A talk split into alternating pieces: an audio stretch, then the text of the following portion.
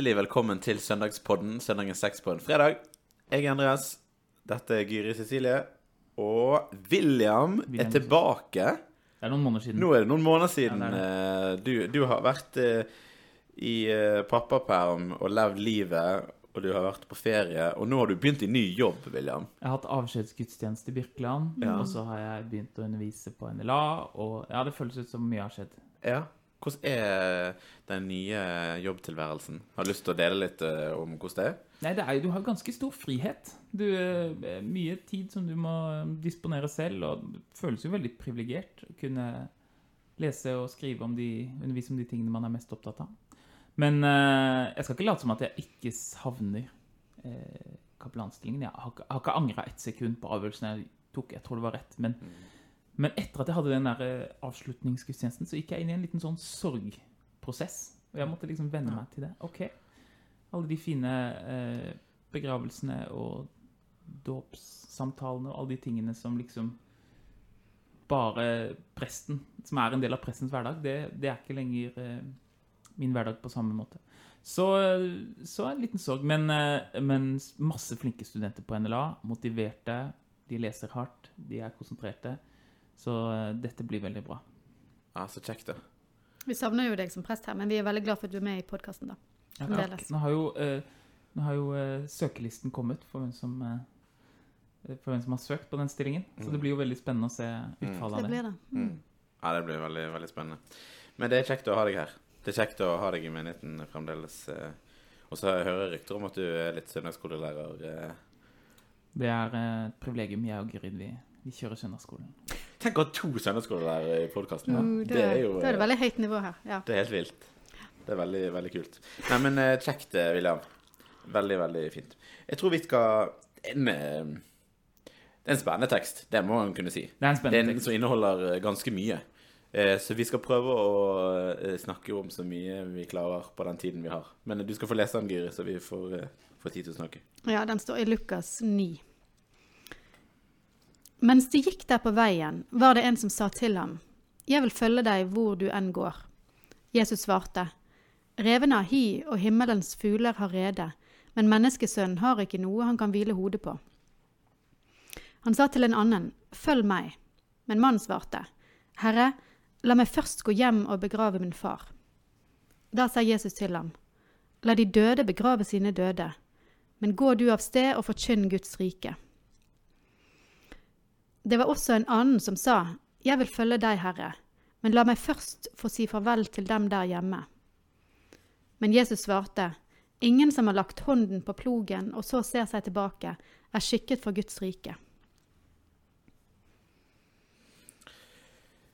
Vi får jo på en måte tre Tre kallsfortellinger, men eh, det er to av de veldig tydelig eh, Jesus som kaller, og den første en som på en måte mel melder seg, som har nok fått et, et indre kall sjøl, da. Eh, og dette med kall syns jeg er, krevende, da. Eh, å å vite sant? hva er et kall, og hva er et ytre kall, og hva er et indre kall. Og For Er det sånn at alle prester har et kall? Dere to? Nei, jeg, jeg hørte en historie om en uh, erkebiskopen, eller var det biskop Thomas, tror jeg, i, i uh, Kanskje ikke det var han, men det var en av, en av biskopene i koptiske kirken i Egypt, som hadde sånn der uh, Q&A eh, i, i en sånn fullstappa kirke. Og så, og så var det en ung mann, da, med, med ivrig mann på første rad, som, som rakk opp hånda og skulle spille biskopenes spørsmål. Hvis man har studert og har fått gode karakterer i alle sine teologieksamener og vært ivrig i kirken og ønsker å bli prest, men biskopen ennå ikke har gitt deg en stilling, hva skal man gjøre da? Så tok denne biskopen han så han dypt inn i øynene, da, som sto på første rad, full kirke, han Da kan det jo hende at denne personen ikke har et prestekall. Er hardt. Og det er, det er hardt. Det er hardt, ja. Men det er på en måte noe barmhjertig i det også. Mm. Fordi um, det er ikke sånn at, at eh, alle Alt er for alle. Det gjelder vel egentlig på søndagsskolen også. Eh, bare fordi en person har en veldig sterk indre overbevisning om at Gud har kalt meg til å være søndagsskolelærer, så betyr ikke det at vi eh, eh, bare gir de nøklene til Sesam også. og så er det bare å lede søndagsskolen. Ja, det er jo Det er jo noen fortellinger om, om mennesker som også kan ha brukt kallet sitt i slags sånn maktposisjon, da. Eh, med Der en kanskje flere har kommet med tilbakemeldinger om at eh, kanskje ikke dette funker så godt sånn som det blir gjort nå, eller eh, en bruker et, et språk som eh, som folk er veldig ukjent med da, i en sammenheng, og så bruker en kallet sitt som en sånn Om det er et skjold, eller om det er en forklaring på Ja, men jeg kan på en måte ikke lytte til deg fordi jeg har fått et kall, og det kallet meg følge. Eh, og det er jo en lydighet overfor sitt kall som, eh, som, som en kanskje har en prøvd det kallet da, i møte med andre ting. Eh, og det, det er litt eh, skummelt. Da er det jo mange kall som kan krasje i hverandre, da, i så fall. Det er det. Um, Men, men samtidig så skal en jo på en måte Hvis en virkelig opplever at en har fått et kall, et kall fra Gud, så skal en jo ta det på alvor. Så det er jo en vanskelig eh, posisjon det der, da. En vanskelig posisjon. Og hvis man ikke får anerkjennelsen Det fins jo de som har hatt genuine kall, og som pga. At kirken har vært forherdet og ikke har klart å se det, ja, da må du bli profet. Da må du akseptere Jeremias liksom skjebne, som roper til døve ører, og som blir kasta i en brønn, og som lever i fattigdom på, på randen av liksom samfunnet. Og eh, kanskje man, noen få må det. Johannes døperen ble ikke innsatt av eh, liksom Jerusalems eldste. Eh, men det normale er jo at det fins et møte mellom det indre og ytre kallet. Og jeg syns denne teksten er et sånn påminner om det. At det fins faktisk eh, Jesus Vi vet jo ikke hva som skjedde, men det virker som at Jesus ikke er helt sånn Å, er du interessert? Eh, bare kom. Ja, jeg synes syns det var så rart svar han ga. For så altså, er det jo litt sånn rart at han sier Ja, nå er du på den første Ja, nå er jeg på den første, han som på en måte får litt sånn ja, ja, Er du på en måte sikker på dette, virker det som han sier. Men reven har hi og himmels fugler har rede, men menneskesønnen har ikke noe han kan hvile hodet på. Jeg tenkte at han på en måte advarte han at dette blir i så fall et liv eh, på reise, du kan ikke hvile deg, du hører ikke til noen plass, på en måte. Hva er det han egentlig mener med det her? Ja, det er jo en, en betydning av det som jeg tror eh, eh, finnes der. Og så kan man liksom dypere se hva, hva betyr det. Jeg tror det er Kirkegård som i en av bøkene han gjør et kristologisk poeng ut av dette. Altså Jesus Kristus kommer på en måte utenifra. Vi er i usannheten. Vi er i, i, eh, i synden, vi mennesker. Og Jesus Kristus kommer utenifra. Det vil si at det fins ingenting i oss som av oss selv kan ta imot Jesus. Det er liksom Gud selv som kommer til oss og gir oss Den hellige ånd, så vi kan tro på ham. Og Derfor så finnes det ikke noe sted i verden der den som følger Jesus, kan liksom hvile og si her har jeg en trygg plass.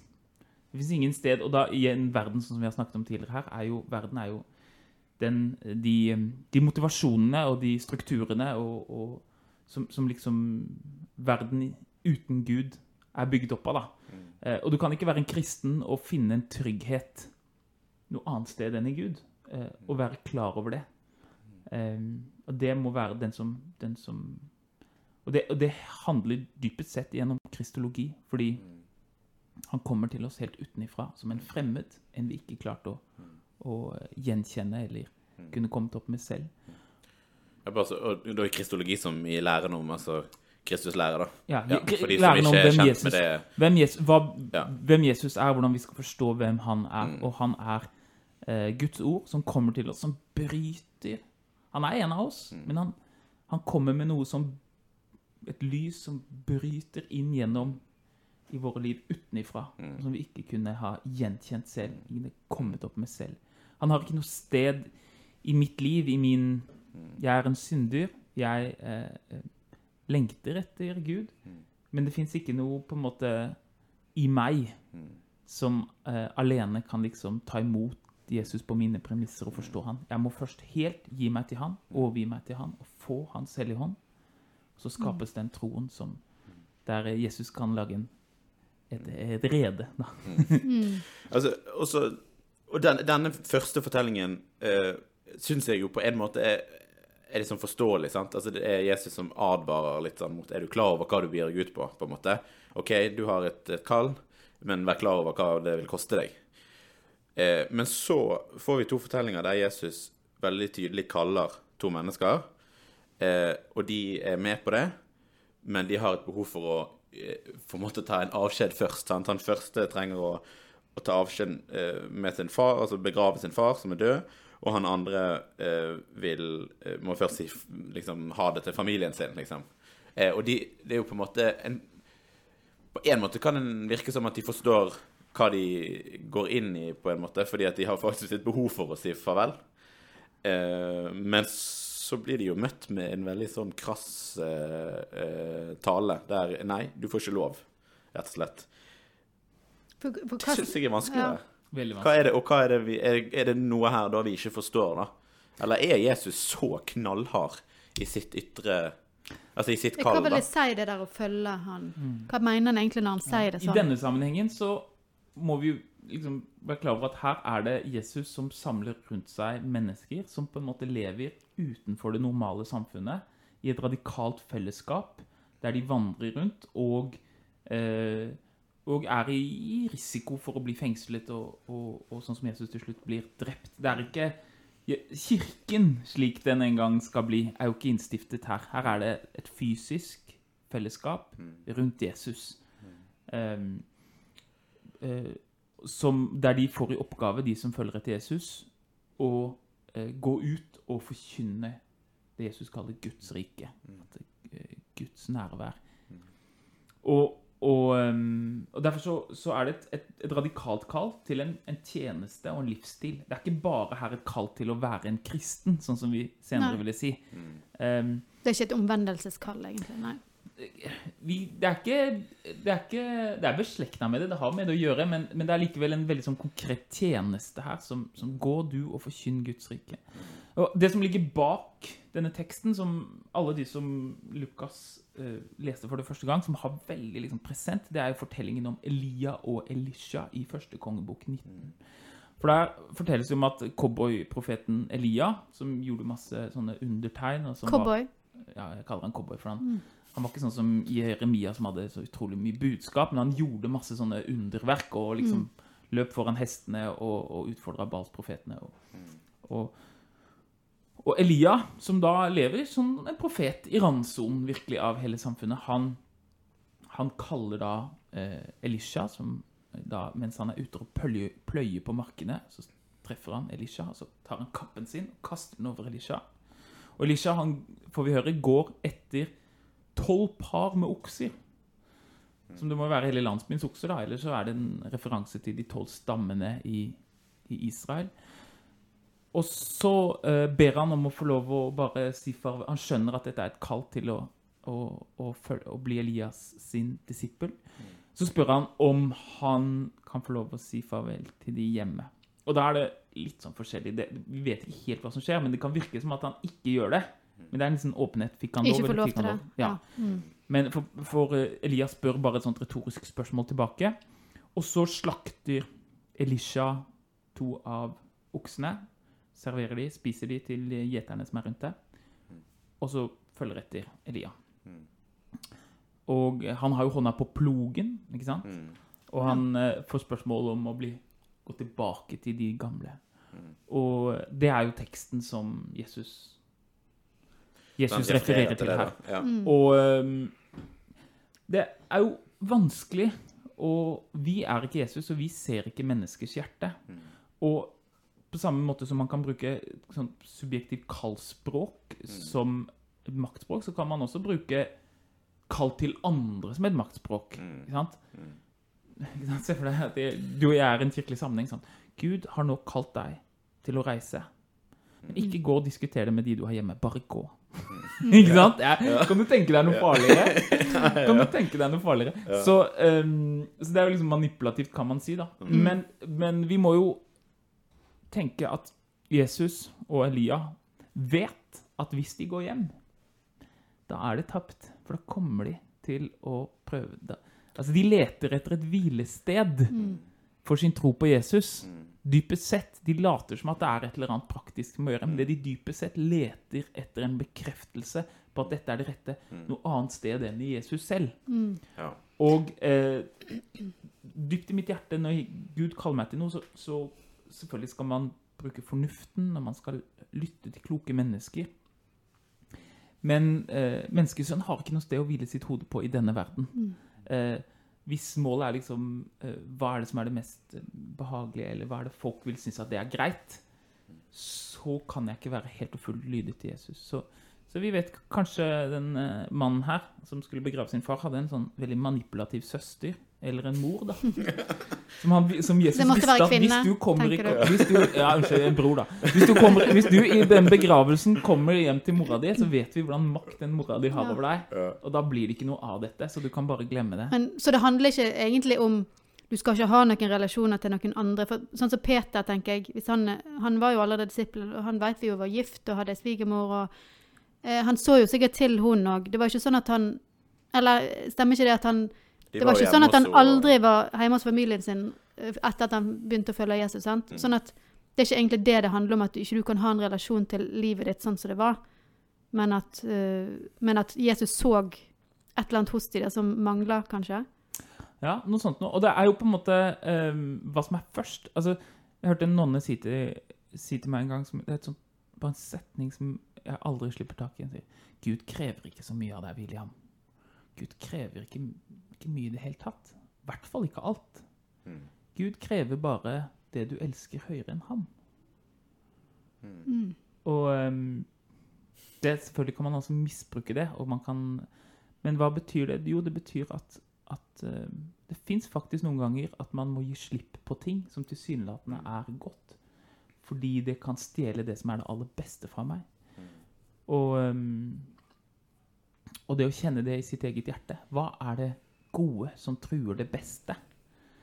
Eh, Er ikke det litt sånn fastetenkning? jo. Ja. Og, og ikke sant? Vi kan, gjennom hele eh, kirkehistorien, så i fullt av disse helgenbiografiene, så er det den her dilemmaet mellom lydighet mellom foreldre og lydighet mellom til kallet. Det er, det er vanskelig. Frans av Assisi er jo et typisk eksempel som, som er arving til et stort firma, og som faren krever han at han skal ta over. Han er veldig rik, og så selger han alt og skal bygge kirken og starte en bevegelse. Og så fengsler faren han. Ikke sant? Låser han inne tårnet og sier 'du må være lydig mot meg'. Og kristendommen er jo det er på en måte den også hvordan både menn og kvinner ble på en måte frigjort fra foreldrene sine med kristendommen, fordi det kristendommen sier, er at du skal være lojal mot foreldrene dine, sånn som de ti bud sier. Men dypest sett så skal du være lojal mot kallet fra Gud. Og det kallet fra Gud kan ikke bare være en subjektiv opplevelse, det må være noe som bekreftes av det kristne fellesskapet.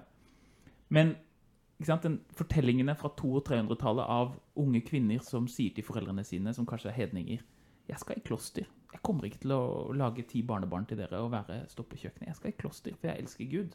Og foreldrene som sier, gjør du det, så, så tar vi deg, ikke sant? Eller vi fengsler deg. Og, og den, den spenningen, den eh, er kanskje ikke så lett å få tak på. Nå finnes det andre måter foreldre manipulerer og forsøker å dra barna sine inntil seg eh, i vår tid, som kan være like skadelig, eksempel at mødre eller fedre som internaliserer en eller annen veldig sånn sterk etikk, sier at du får gjøre akkurat som du vil, men jeg synes at du bør male huset rødt. Ikke sant? Og så, og så på en måte internaliserer barna det i seg, og så finnes det en frihet i det å si jeg tilhører ikke foreldrene mine dypest sett, jeg tilhører Gud. Og disse reglene eller moralen eller på en måte forventningene som er fra foreldrene mine, de er viktige, jeg skal respektere de, men de er ikke absolutte. De er fra Gud. Og hvis jeg hvis jeg er risiko å absolutere det, så er det en stor trussel for meg, for den frihet som Jesus vil invitere meg til. Og da eh, må man, sånn som, eh, sånn som vi fort hører om i f.eks. historien om Frans av Assisi, du må liksom si, sorry, pappa, jeg kommer ikke til å gjøre det du vil. Eh, og ortodokse munker, for eksempel, de går ikke i sine foreldres begravelse. Og det er på en måte vanskelig for oss å forstå, vi som er eh, hva skal si, småborgerlige protestanter i, eh, i et velferdssamfunn. Men eh, betyr ikke at de ikke elsker foreldrene sine. Men eh, det er verdt å tenke på. Mm. Nei, men spe- spennende. Det, det um, ja, jeg, jeg, Dette med Carl, jeg nevnte jo det. Jeg syns det er vanskelig, og, og det er jo Selv om hun, Jeg sitter fremdeles igjen med en del spørsmål, kjenner jeg, og så må vi jo gå inn for landing, men Men Men Ja. Nei. Vanskelig. Veldig vanskelig. Kallet, men som du sa i stad, det indre og det ytre kallet. Ja. de begge to er viktige. Begge de to tingene må på en måte bekrefte hverandre. Mm. Og man kan aldri gå på noen andres kall til deg. Mm. Man er nødt til å lyde sin egen samvittighet. Og så kjenner man etter i den samvittigheten, og så, og så vil det, de ytre omstendighetene eller det ytre fellesskapet alltid bekrefte det jeg har i mitt hjerte, og ikke motsatt. Det er ikke sånn at ytre så, så liksom noen som vil at du skal gjøre det, så skal de liksom overtale deg, tror jeg. Jeg tror man Kallets vesen er at det, det hviler. Det som jeg kalles til, hviler et eller annet sted dypt i meg. Et eller annet, noe som sier ja. Mm. Og det Hva hviler det i? Jo, det hviler i, i, i Jesus selv. Mm. I kjærligheten og overgivelsen til, til Jesus selv. Ja, men det er sant. Fint. Jeg skal avslutte med å be. Vår Far i himmelen. La navnet ditt helliges. La riket ditt komme. La viljen din skje på jorden slik som i himmelen. Gi oss i dag vårt daglige brød, og tilgi oss vår skyld, slik også vi tilgir våre skyldnere. Og la oss ikke komme i fristelse, men frels oss fra det onde. For riket er ditt, så makten og æren i evighet. Amen. Velsign oss Gud Fader, velsign oss Guds Sønn, velsign oss Gud du Hellige Ånd. Amen.